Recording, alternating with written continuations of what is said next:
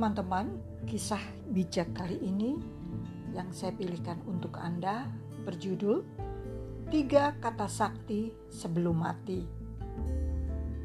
Ceritanya begini.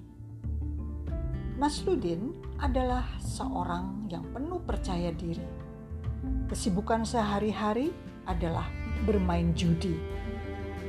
Dia pernah kaya karena judi, pernah miskin juga karena judi Sekalipun begitu, dia tidak pernah jera untuk berjudi.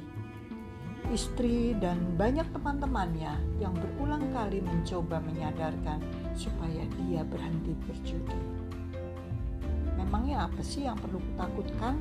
Tanya Nasruddin kepada seorang teman yang sedang menasehatinya. Din, bagaimanapun juga main judi adalah perbuatan yang haram dan dosa tempat orang berdosa, ya neraka. Nasruddin tertawa. Oh, kalau soal itu jangan khawatir. Aku sudah tahu tiket untuk masuk surga kok. Orang yang menasihati itu justru heran. Oh iya, apa? Tiket? Tiketnya? Jawab Nasruddin, mudah saja.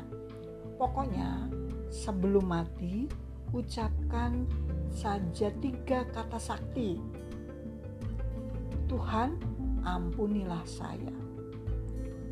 Dengan tiga kata itu, dijamin orang yang mati akan langsung masuk Taman Firdaus.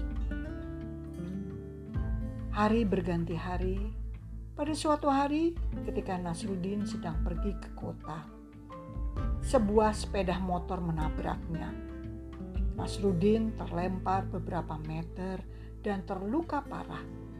Nyawanya tidak bisa tertolong lagi. Dia akan meninggal dunia di tempat kejadian.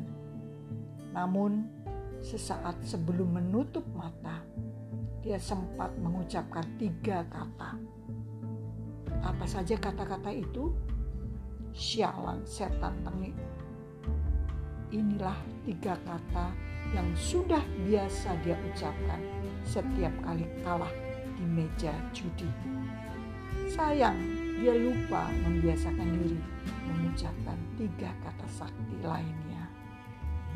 Nah, teman-teman, cerita sederhana ini mengingatkan kita untuk selalu berbuat baik karena kita tidak tahu kapan Tuhan akan panggil dan tentunya kita selalu harus ingat tiga kata sakti sebelum mati. Terima kasih sudah mendengarkan catatan harian Atik Margono.